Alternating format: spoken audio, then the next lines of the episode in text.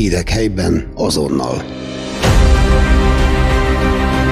Aktualitások, életmód, közélet, múlt és jelen Fejér megyéből. Feol Podcast. Mert ismerjük egymást. Hetek, sőt hónapok óta arról értekeznek a közösségi felületeken, a különböző sajtótermékekben, hogy a magyar nemzet egyszerre két kiválóságot adott a világnak, akik munkáját Nobel-díjjal jutalmazzák.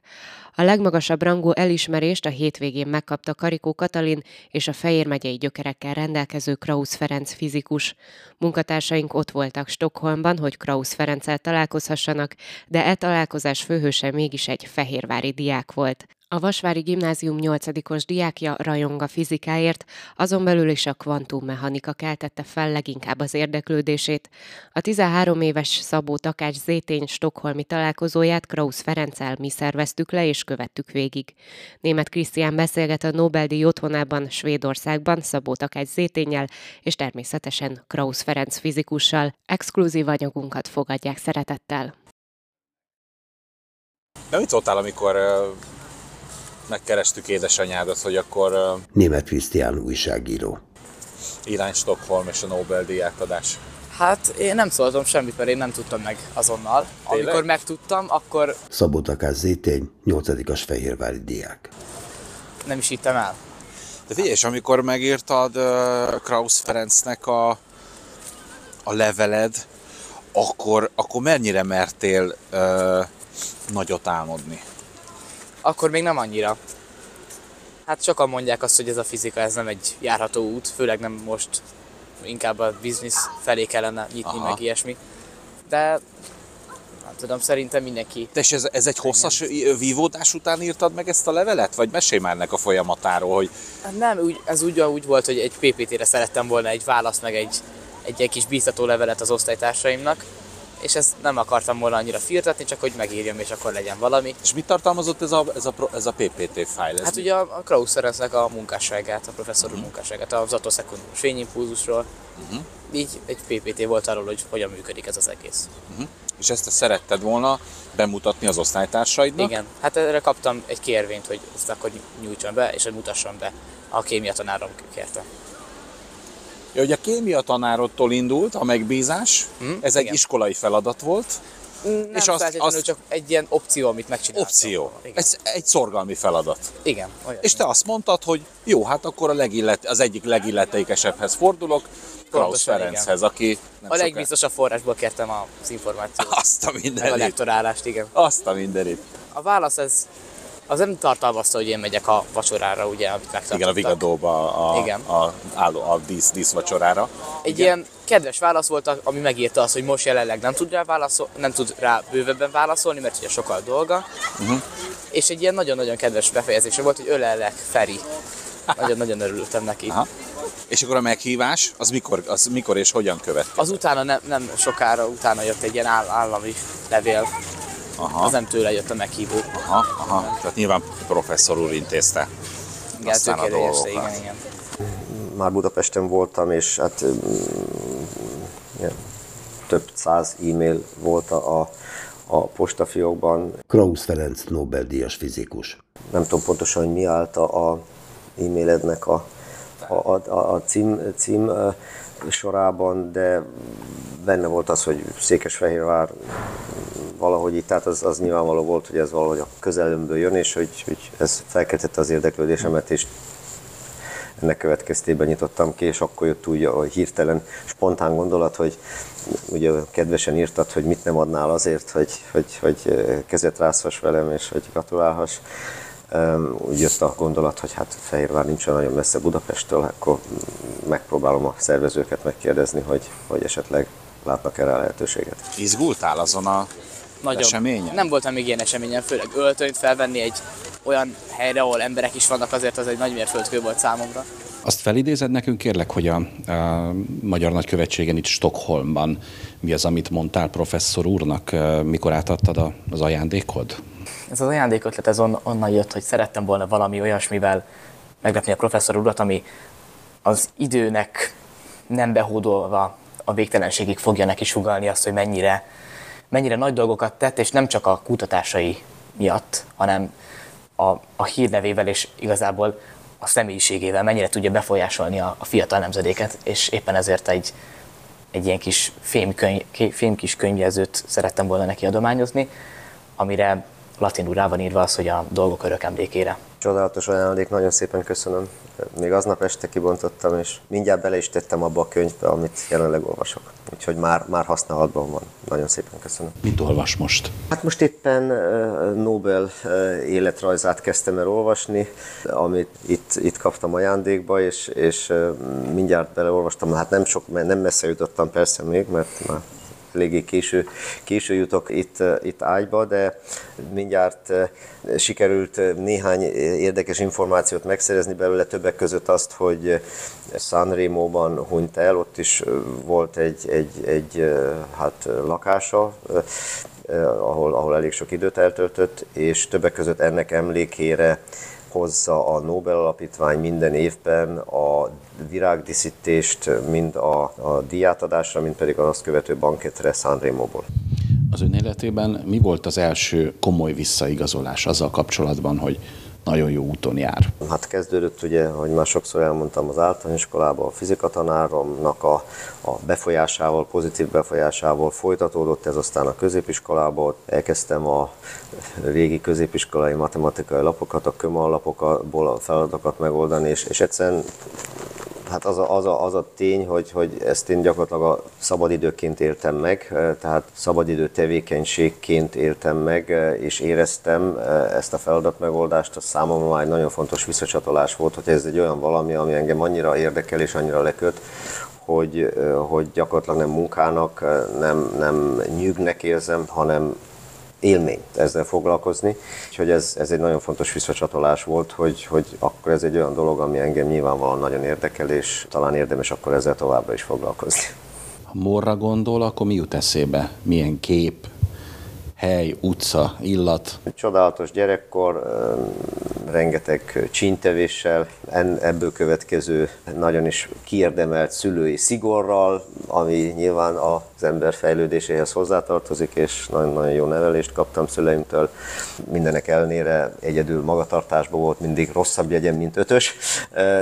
Az valahogy az nem, nem sikerült összehozni sose, úgyhogy nyilvánvalóan volt bennem élet. Csintevésekhez is, hát ez egy csodálatos gyerekkor volt, ott ez egy csodálatosan egyszerű körülmények között, tehát semmiféle luxus, meg ilyesmi, de olyan szabadság, amit ma már talán nem is, nem is tudnak a gyerekek elképzelni, ugye beülnek, és akkor számítógép előtt, vagy a, vagy a mobiltelefonnal hát foglalkoznak sokat, és, és csetelnek a, online, minden, és mindez idő alatt mi meg mentünk ki, és, és csatangoltunk egész nap kint barátokkal, az egész időnket tulajdonképpen kint a szabadba töltöttük. E, ez a, ez a fajta gyerekkor szerintem ma, már nagyon kevés, kevésnek adatik meg, sajnos. Mondana egy csíntevést, amire emlékszik, vagy amiért? Igen, igen, jól emlékszem, a apukám nagyon el is verte a popómat ezért, úgyhogy így az ilyen dolgok benne maradnak az emberben. Új, új cipőm volt, ilyen, ilyen fröccsöntött alapú cipőm, és gyűjtöttünk egy tüzet erdőszélén, nem messze laktunk a, a, a vértes kezdetétől, gyakorlatilag egy kilométer, és már kim voltunk az erdőbe, vagy még annyi se ott raktunk egy tüzet. Végén valahogy már nagyon kellett hazamenni, mert már rég otthon kellett volna lenni, és a tűz meg még ott pislákolt, meg, meg, meg parázslott, és hát hogyan olcsuk el, vízünk az nem volt, és akkor hát az úgy, úgy mégse lehet ott hagyni, hogy az még ott parázslik, mert a végén még begyullad az erdő, és elkezdtük, vagy legalábbis én elkezdtem a, a, úgy, a cipőmmel úgy széttaposni a parazsat, és akkor azok a parázsló darabok beleiktek a fröccsöntött talpa az új cipőbe, és azok onnan aztán nem jöttek ki, úgyhogy hát ez, ezért, ezért kiárt a megérdemelt büntetés. A magyar nagykövetségen ma délután magyarként is megdobbanhatott a szíved. Hát, nagyon. Örülök, hogy külföldön vannak ezek a megtartva, és örülök, hogy a többi nemzet is megtudja, hogy magyarok a Nobel-díjasok, és hogy ez a mi érdemünk. Uh-huh. Pontosabban az övék, de a mieink. És ez fontos szerintem. Mit éreztél ott a nagykövetségen? Hát nyilván meg voltál illetődve, 14 évesen, Igen. amikor az ember egyszer csak ott találja magát szembe egy ilyen illusztris társaságban, Krausz Ferenc és Karikó Katalin társaságában, ahol Magyarország egyik minisztere, svédországi nagykövete, svéd potentátok, állami potentátok vannak ott, hát azért ez igen, hát komoly. Nem tudtam, mit kell csinálni használtam azt a taktikát, ami eddig bevált. Álltam, és megvártam, amíg beszélnek azok, akiket ismerek. De a beszédek nagyon meghatóak voltak, főleg a professzor asszonyé. Én nagyon meghatottam a beszéd alatt. Miért? A tanáraira, amikor ránézett, és azt hiszem, hogy harmadjára említette meg, akkor az egy olyan, olyan érzés volt, amit szerintem mindannyian ismerünk, hogy a tanáraink mennyire befolyásoltak minket az életünk során, és hogy mennyire, mennyire tudják befolyásolni a személyiségünket mennyire tudnak megváltoztatni minket, és szerintem ez nagyon kijött ebből a néhány mondatból, amit elmondott. Voltak mély pontok a pályája során?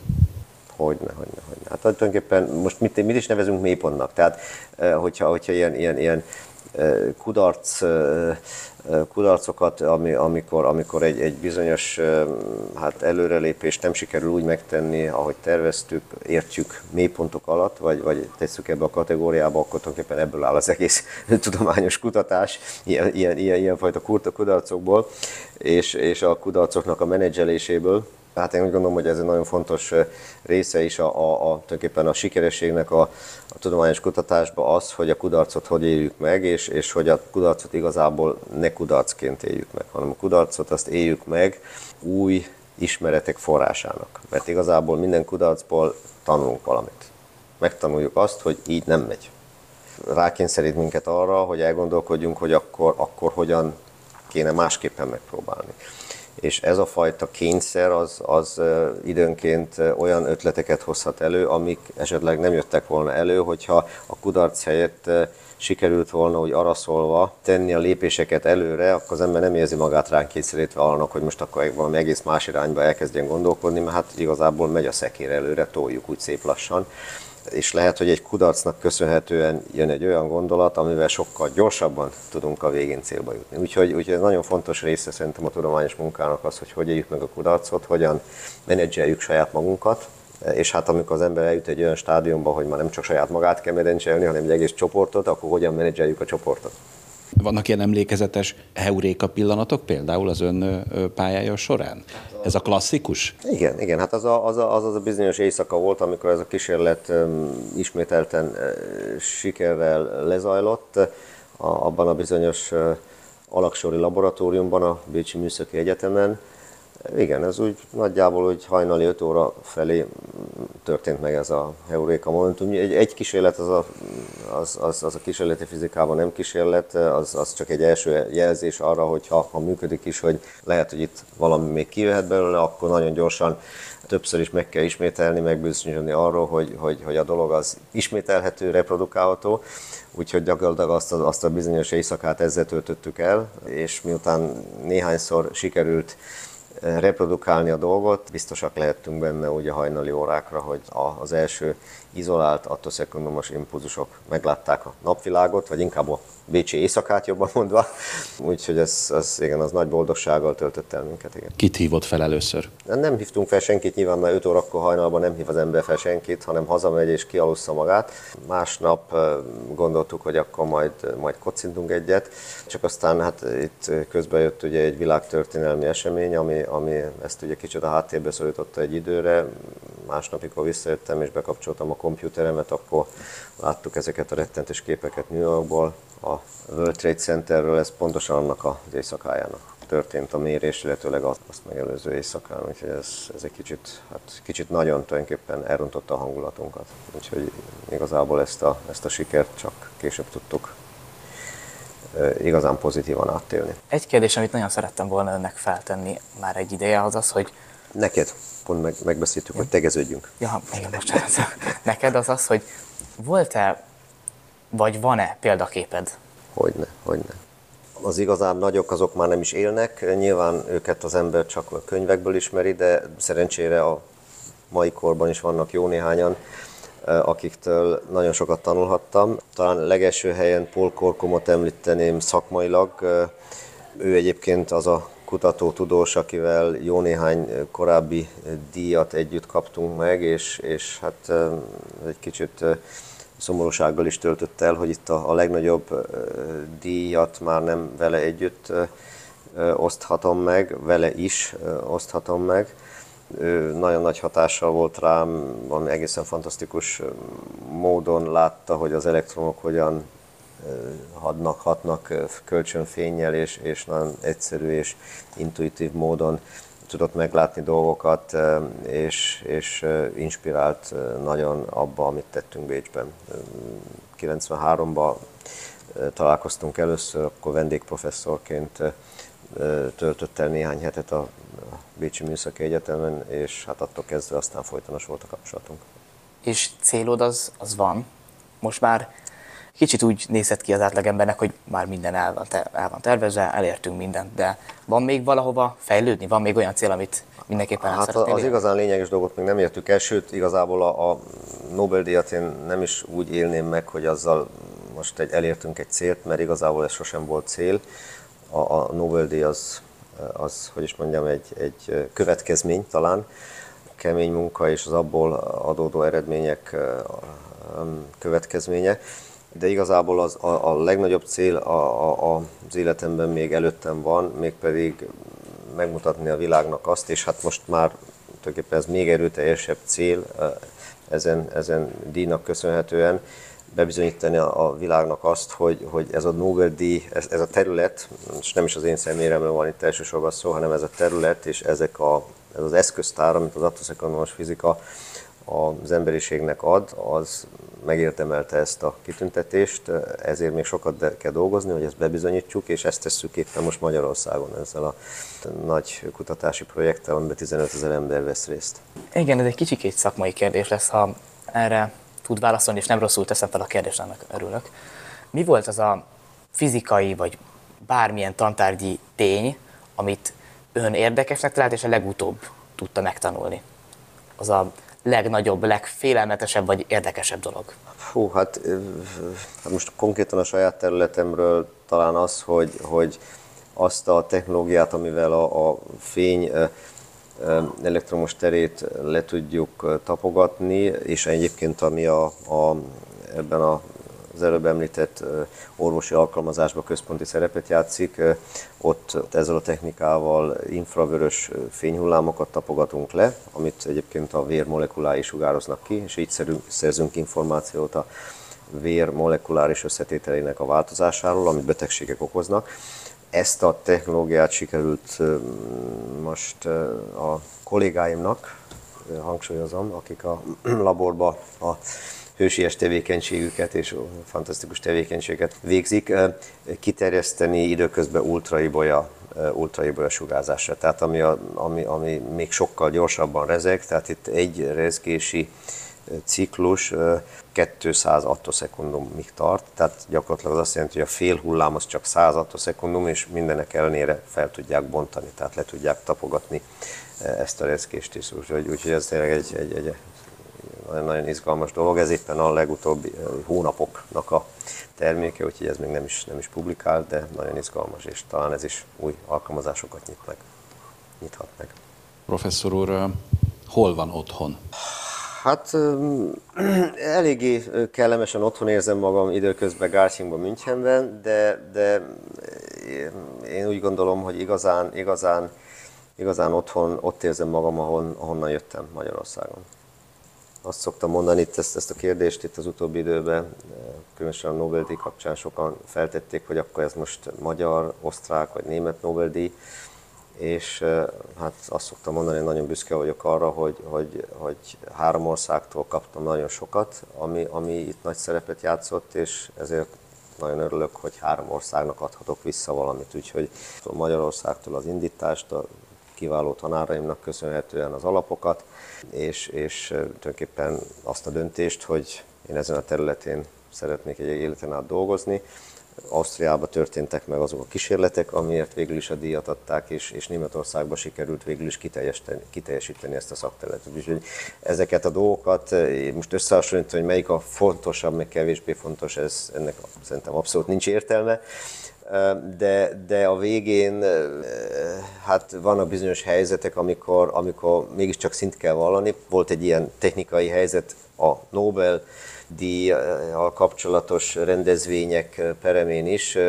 Valamikor néhány héttel ezelőtt feltették a kérdést, na most akkor nekem mi az elsődleges, tehát most én akkor mi vagyok, milyen az állampolgárságom. Hát azt tudták persze már, hogy technikailag én kettős állampolgár vagyok. Van magyar útlevelem, van osztrák útlevelem. De mégiscsak el kell dönteni, azt akkor még nem is értettem, hogy miért kell eldönteni, azt csak itt tudtam meg elmúlt napokban, Azért kellett eldönteni, mert minden díjnyerteshez egyetlen országnak a nagykövetét hívják meg, és ahhoz tudni kell, hogy most akkor az melyik ország. És hát persze azt mondtam, hogy Magyarország. Úgyhogy ezért lehetett jelen a stokholmi magyar nagykövet egyedül, se az osztrák, sem pedig a német a diátodon. Hol tartja majd a Nobel-díjat? Hát ez jó kérdés. Valószínűleg ott, ahol a többit, valahol egy, egy nagyon eh, jól őrzött fiók mélyén, de lehetnek ebből a Nobel-díjból kaphatok három darab másolatot, és hát annak már úgy alakulnak ki a helyei. Az egyik az a Magyar Nemzeti Múzeumban lesz, onnan kaptam a tiszteletteljes felkérést, és hát annak nagy örömmel teszek eleget, és hát terveznék majd egy másodikat, talán majd annak az intézetnek a valahol a bejárat közelébe, amit remélhetőleg hamarosan Budapest közepén meg tudunk építeni a Center for Molecular Fingerprintinget. Ugyanis én úgy gondolom, hogy, hogy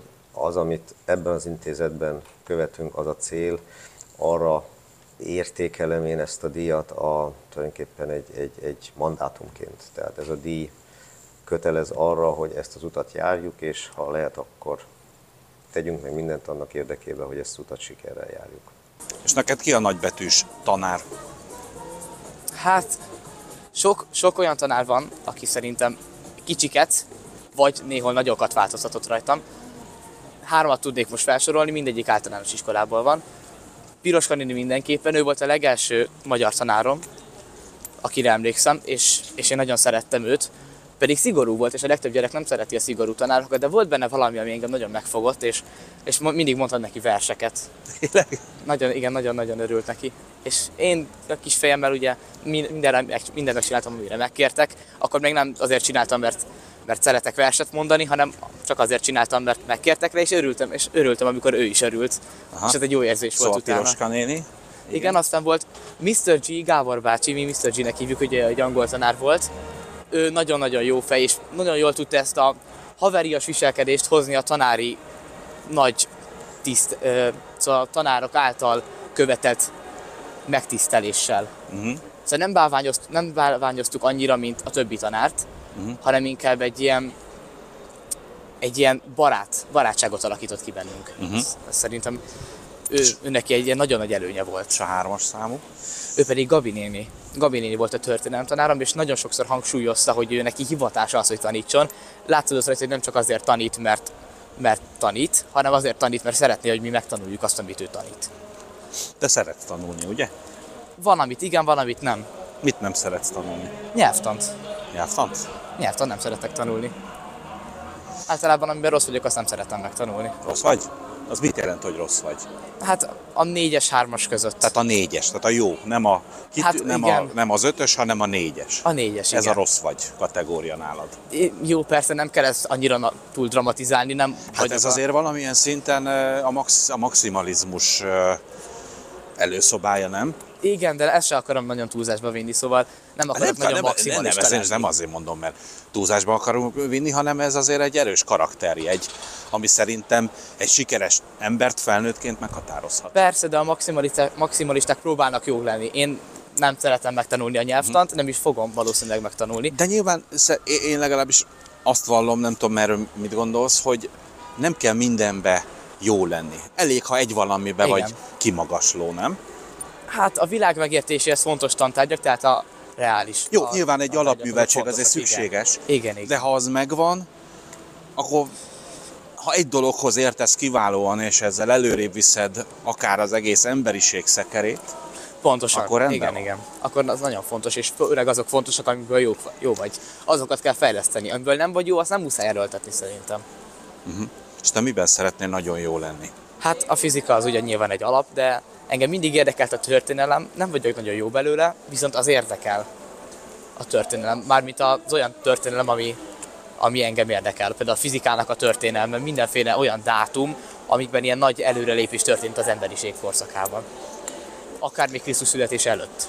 Krausz Ferenc és Karikó Katalin, az a, az innováció lyukkal, a találmányaikkal, mekkora mérföldkő szerinted az emberiség az orvoslás Hát történetében. nagy, nagyon nagy. Én nem tudom nagyon, a biológiához nem nagyon értek, nem tudom elmondani, hogy mennyire nagy lehet ez a mRNA-s vakcina, de azt tudom, hogy ami a Covid-dal képes volt elbánni, az biztos, hogy egy nagy dolog. Uh-huh. Szóval valószínűleg ez egy olyan, olyan találmány volt, amit az emberek is éreztek, hogy ennek nagyon nagy hatása volt. Az attoszekundomos fényimpulzus az más, annak nem, nem nincsenek annyira nagy az, az embernek most elérhető gyakorlati for, formái. Hát a rákutatásban lehet. Persze, de ugye azt végül ugye jelentős nem, nem tudjuk megcsinálni jelenleg, nincs, nincs ilyen kúra a legtöbb helyen, de ezen dolgoznak. Krausz Ferenc Nobel-díjas. Milyen érzés ezt hallani? Milyen érzés ezt megélni? Még szokni kell ez az érzéshez. Igazából az elmúlt hetek nem adtak túl sok lehetőséget arra, hogy, hogy ezt tényleg úgy teljes dimenzióiban felfogjam. Erre majd talán még hosszabb időre lesz szükség, ha egy kicsit nyugodtabb lesz a, a környezet. Talán majd karácsony meg új év. Most nagyon felfordult az élete? Igen, nagyon. Ez Rendkívül. Hát ez gyakorlatban azt jelenti, hogy tulajdonképpen az a munka, ami az életem, az, az háttérbe szorult. A ilyen jellegű kérések, mint aminek éppen eleget teszek, vannak előtérben október eleje óta. Megpróbálok ezeknek a kéréseknek a legjobb tudásom, energiáim szerint eleget tenni. Ezek a kérések három országból jönnek, az én esetemben Magyarországról, Ausztriából, Németországból, úgyhogy ennek megfelelő az intenzitás de hát én úgy gondolom, hogy ez egy, egy esély is arra, hogy elmagyarázzuk a nagy közönségnek, hogy az, amit, azt, amit teszünk, az, az miért fontos, miért lehet egy napon talán még hasznos is, és ezzel is megköszönjük azt a támogatást, amit a adófizetőktől ez, ezekből az országokból kapunk. Te és milyen érzés most itt, uh, itt Stockholmban? Így a Nobel Ez egy nagyon-nagyon más, más hely. És Stockholm nagyon-nagyon más hely. Egyszer voltunk külföldön, már mint osztályjal, és ott volt egy ilyen egy ilyen nagyon-nagyon távoli világegyetemből egy érzés, amikor odaérkeztünk, az nem Magyarország volt, én nagyon éreztem, és azóta nekem egy ilyen magyar hazaszeretetem megáradása indult meg. Szóval ez most egy nagyon más és itt, itt nagyon érződik, hogy ez, ez nem olyan hely, ahol tartozom. Svédországban készítettük beszélgetésünket a Nobel-díj átadás kapcsán Krausz Ferenc fizikussal és Szabó Takács Zétény fehérvári ifjúdiákkal. Hírek helyben azonnal. Aktualitások, életmód, közélet, múlt és jelen Fejér megyéből. Feol Podcast. Mert ismerjük egymást.